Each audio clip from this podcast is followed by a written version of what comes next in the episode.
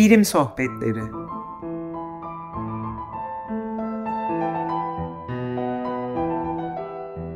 Hazırlayan ve sunanlar Ali Alpar, Defne Üçer Şaylan ve Müsemma Sabancıoğlu.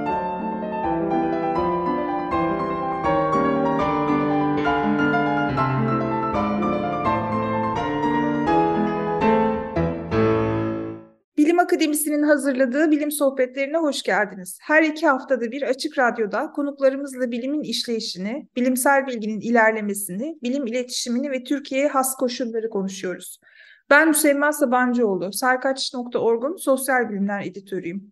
Bilimin ışığında Cumhuriyet'in yeni yüzyılı panellerinin üçüncüsü, Bilim Akademisi üyesi Profesör Doktor Ersin Kalaycıoğlu moderatörlüğünde 21. yüzyılda gelişen teknoloji, değişen toplum ve siyaset konusuyla 17 Kasım 2023'te gerçekleşti.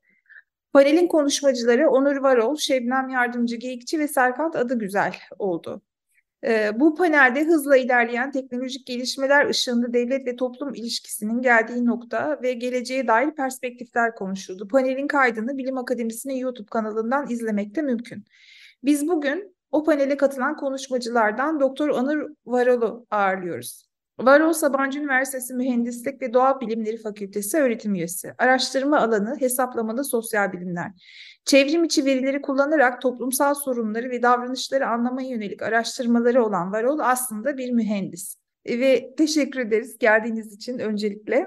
Ben çok teşekkür ederim davet ettiğiniz için. Ee, belki beklenmedik bir yerden başlamak istiyorum. Biraz da kişisel bir soru.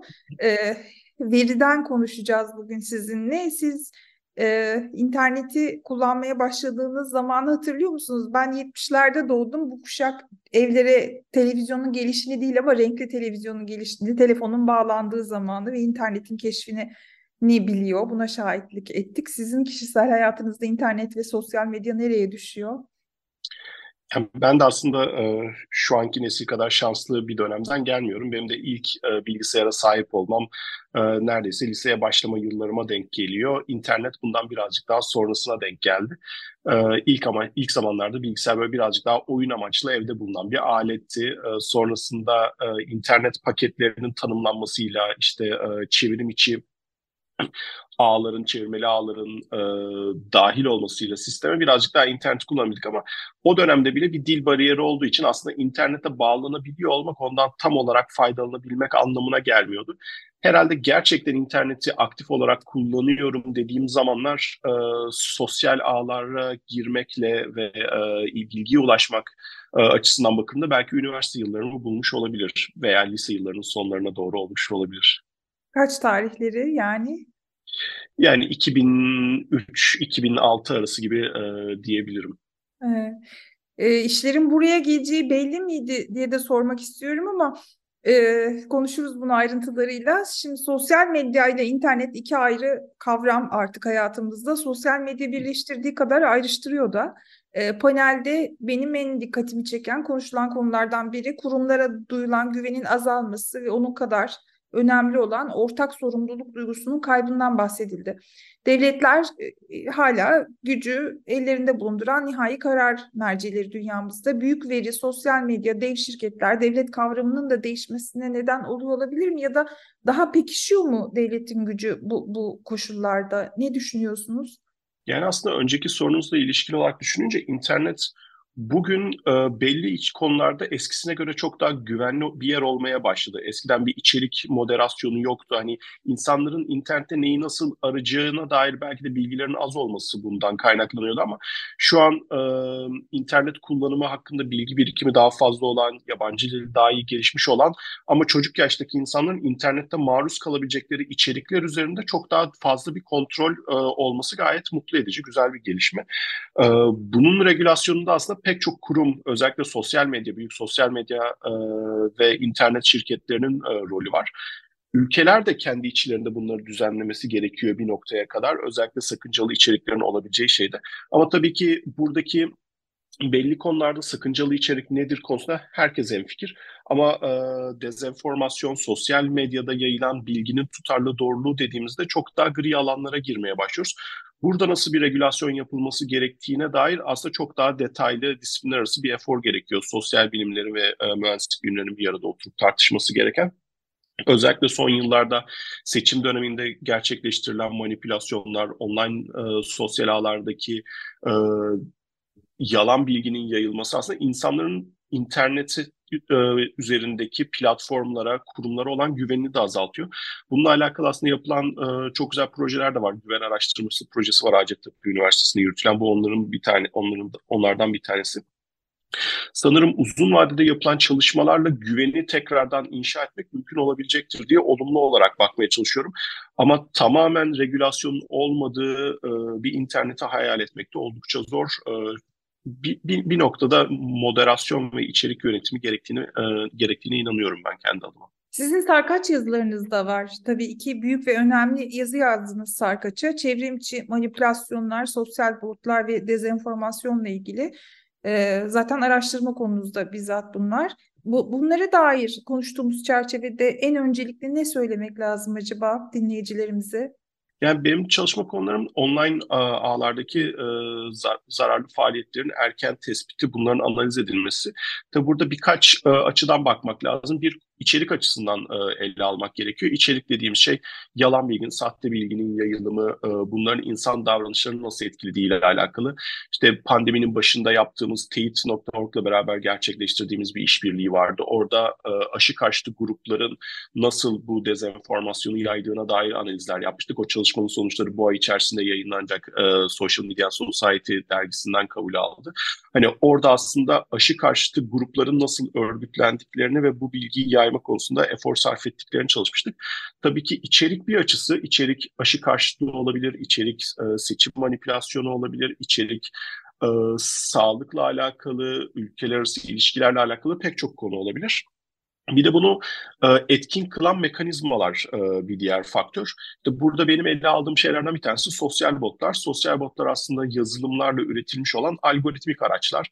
Bir içeriğin çok daha görünür kılınması için stratejik olarak e, ağ üzerinde bağlantılar kurabiliyorlar.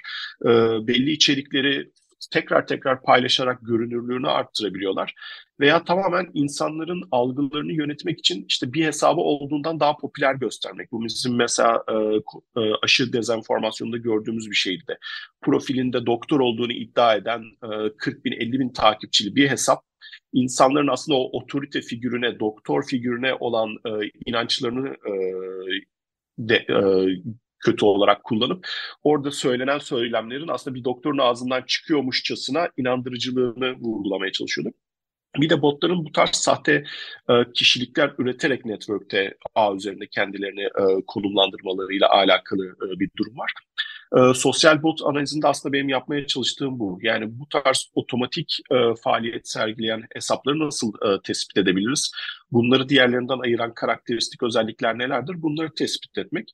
E, çoğunlukla Twitter platformu üzerinde yapmıştık bu zamana kadar olan bu çalışmaları. Ama Twitter'ın da e, malum son yıllarda geçirdiği değişiklikler ne kadar artık e, popüler bir platform olma noktasında veya alternatif platformların da ortaya çıkmasıyla araştırmalarımızı yeni konulara doğru da yöneltmeye çalışıyoruz. Özellikle şu an e, Türkiye gibi coğrafyada işte TikTok, Instagram'da e, hat sayılır platformlardan olmaya başladı.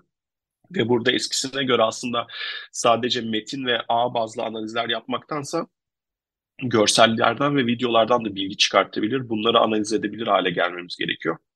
Bu amaçla yaptığımızda belli TÜBİTAK projeleri, Avrupa Birliği projeleri var ki e, farklı dezenformasyon türlerini, koordinasyonlu faaliyet türlerini e, tespit edebilirim sadece metne veya network'e bağlı kalmadan. Genelde dezenformasyon ve misinformation e, yanlış bilgilendirme ile ilgili Ersin Kalaycıoğlu çok güzel bir ayrım yapıyor. Belki ona da kısacık bir değinmek lazım. Ne, nedir bu ikisi arasındaki fark? Er, yani burada en, temel kriterlerden bir tanesi aslında niyet e, olması. Yani e, dezenformasyonu kullanırken genelde orada bir kötü niyet vardır ve arkasında bir koordinasyonlu faaliyet vardır. Biz bunu e, oluşturur ve belli bir amaç doğrultusunda bu operasyonları e, yürütürüz.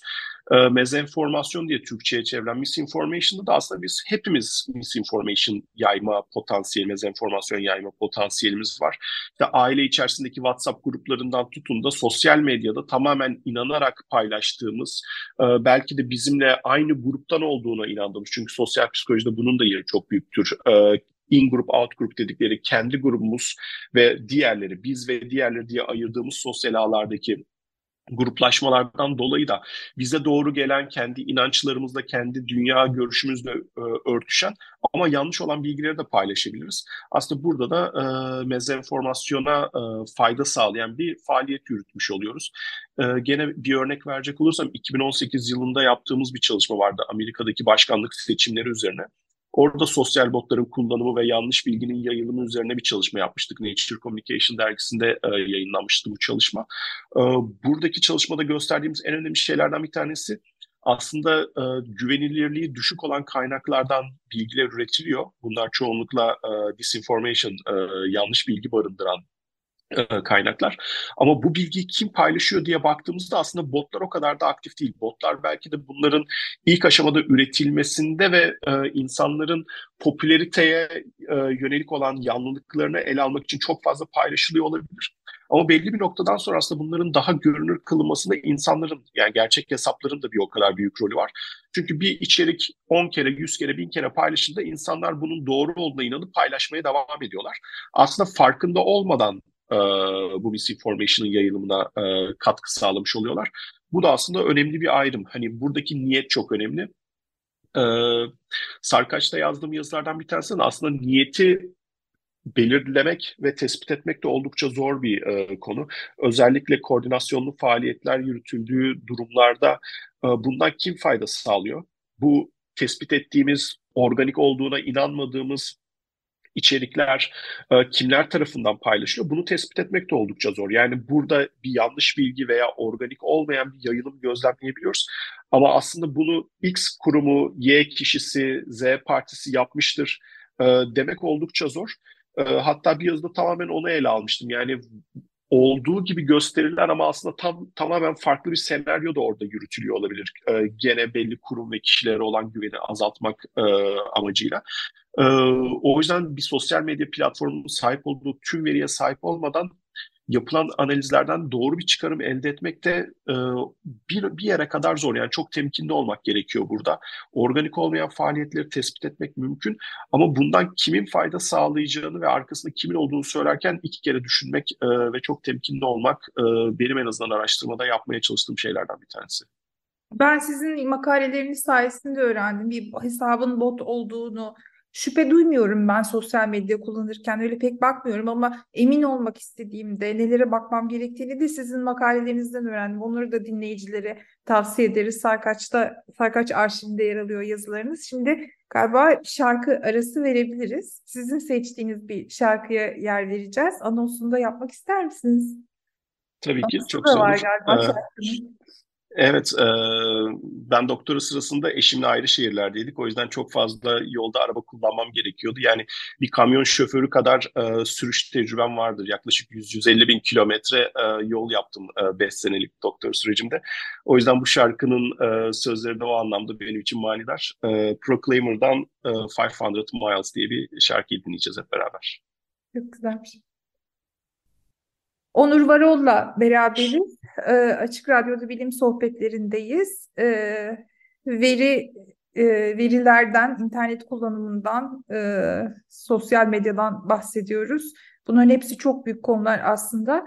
E, panelde yapay zeka okur yazarlığından bahsedildi. Bu benim duymadığım bir kavram. Yapay zeka kendi başına ayrı bir dünya. Onu e, tam da eşiğinde duruyoruz galiba biraz.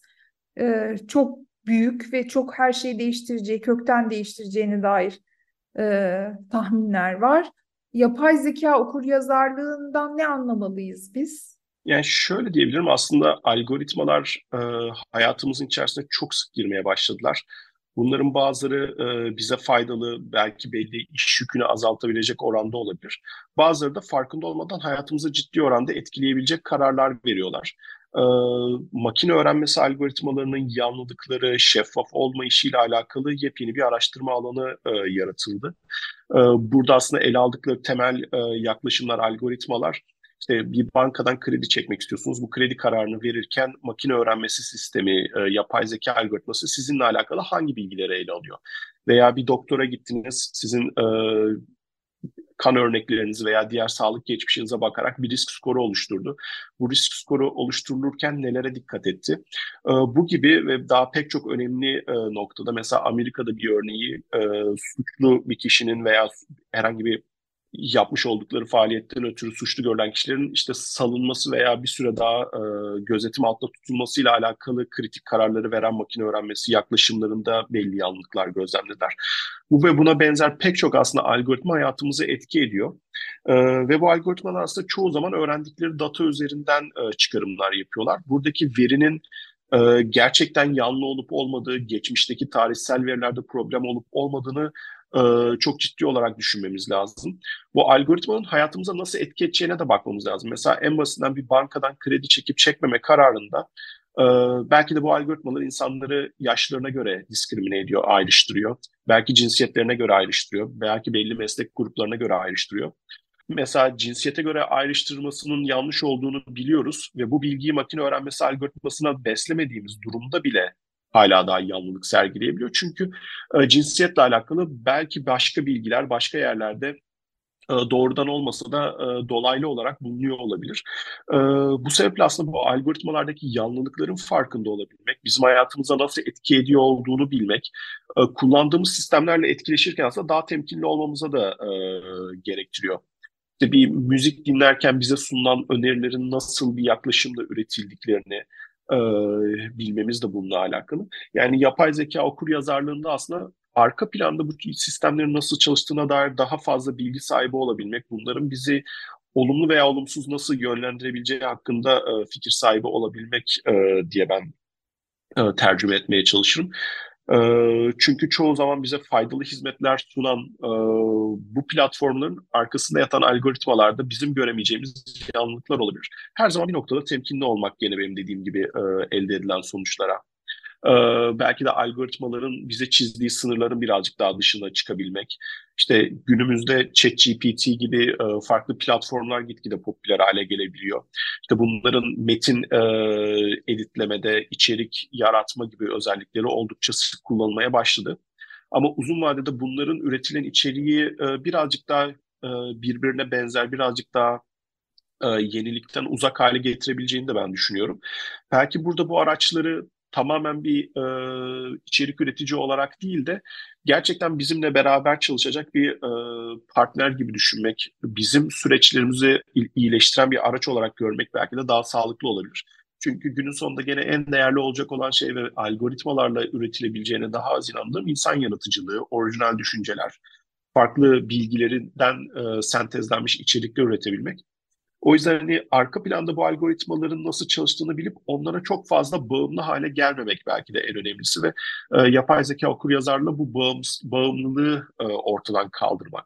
Gene kendi özgür düşüncelerimizi, bilgi sentezimizi üretebilmek ama onlardan da bir yerde e, faydalanabiliyor olmak, e, günün gerekliliklerine uygun olarak o araçları e, kendi araç setimize e, ekleyebilmek aslında benim için önemli gözüken şey. Yani okul müfredatlarında yer almalı belki değil mi? Bu bütün bu sistem nasıl işliyor, algoritmalardan e, nereye varılıyor? Çok erken yaşta olur ama sonra bu benim dediğimi de yapay zeka ile yapalım diyenler çıkabilir müfredatta öyle ekleyelim diye. Yani müfredatın içerisinde tabii ki olabilir. Hani ilk aslında sorduğunuz soru internetle ne zaman tanıştığınız şeyi. Ben öğrenciyken işte velilerden para toplanıp okullarda bilgisayar labları kurulurdu. İşte oralarda bilgisayar kasaları, monitörler vesaire alınırdı. İşte e, ama çok da bir bilgisayar dersi gördüğümü söyleyemem ben orada. E, genellikle işte bilgisayar dersi saatleri olurdu. Orada insanlar bir şeyler yaparlardı. E, belki de şu an bunun bir benzeri e, yaşadığımız dönemde oluyor. İşte öğrenciler ödevlerde bu araçları kullanabileceklerinin farkındalar ama bunu en efektif olarak nasıl kullanacaklarını belki de bilmiyorlar. Veya bu araçlara çok bağımlı olarak neleri kaybettiklerini, ne tür fırsatların ellerinden kaçtığını farkında değiller. E, ben de kendi derslerimde üniversitede e, yaptığım e, ChatGPT gibi sistemleri kullanılsa kesinlikle karşı değilim. Hatta destekliyorum. E, çünkü programlama öğrenen yeni bir öğrenci için pek çok karşılaştığı sorunu çözmek için iyi bir asistan olabiliyor. Orada e, sistemin ürettiği kodlara bakarak kendi kod yazma stilini, kendi e, becerilerini geliştirmesi mümkün. Ama şu olduğu noktada öğrenciler gerçekten büyük kayıp içerisindeler. İşte oraya soruyu doğal dille aktarıp o doğal dille üretilmiş olan kodu alıp kopyalayıp yapıştırarak ödev olarak teslim etmeye çalışmak da bu öğrencilerin kendilerine yapabilecekleri en kötü şey. Ee, bunun önüne geçmek için de mesela derslerde e, açık uçlu projeler vermeye çalışıyorum. Bu sefer gidip ChatGPT'ye bu proje hakkında bana destek olur musun, kod üretir misin e, diyemeyecekleri şeyler. Ve benim gördüğüm şu ana kadar e, projelerde, açık uçlu projelerde en çok zorlanan öğrenciler bu sistemlere yüzde yüz bağlı olup e, onun o sistemlerin ürettiği kodları bile anlayamadan bunu e, ödev olarak kullanmaya çalışan öğrenciler. Sanırım bir noktada hani bu araçları e, birer asistan olarak görüp kendi verimliliğimizi arttırmak için kullandığımız noktada zaten e, oldukça başarılı olacağız. E, bu da belki erken dönemde bu sistemlerin nasıl daha iyi çalıştıklarını, arka planlarında neler olduğunu anlamaktan geçiyor. Ve bu dediğiniz gibi hani ilkokul seviyesinde de yapılmaya başlanabilecek bir şey. Sonuna gidiyoruz yavaş yavaş ama son bir sorum var. Bütün bunları belki derleyip toplayacak bir soru.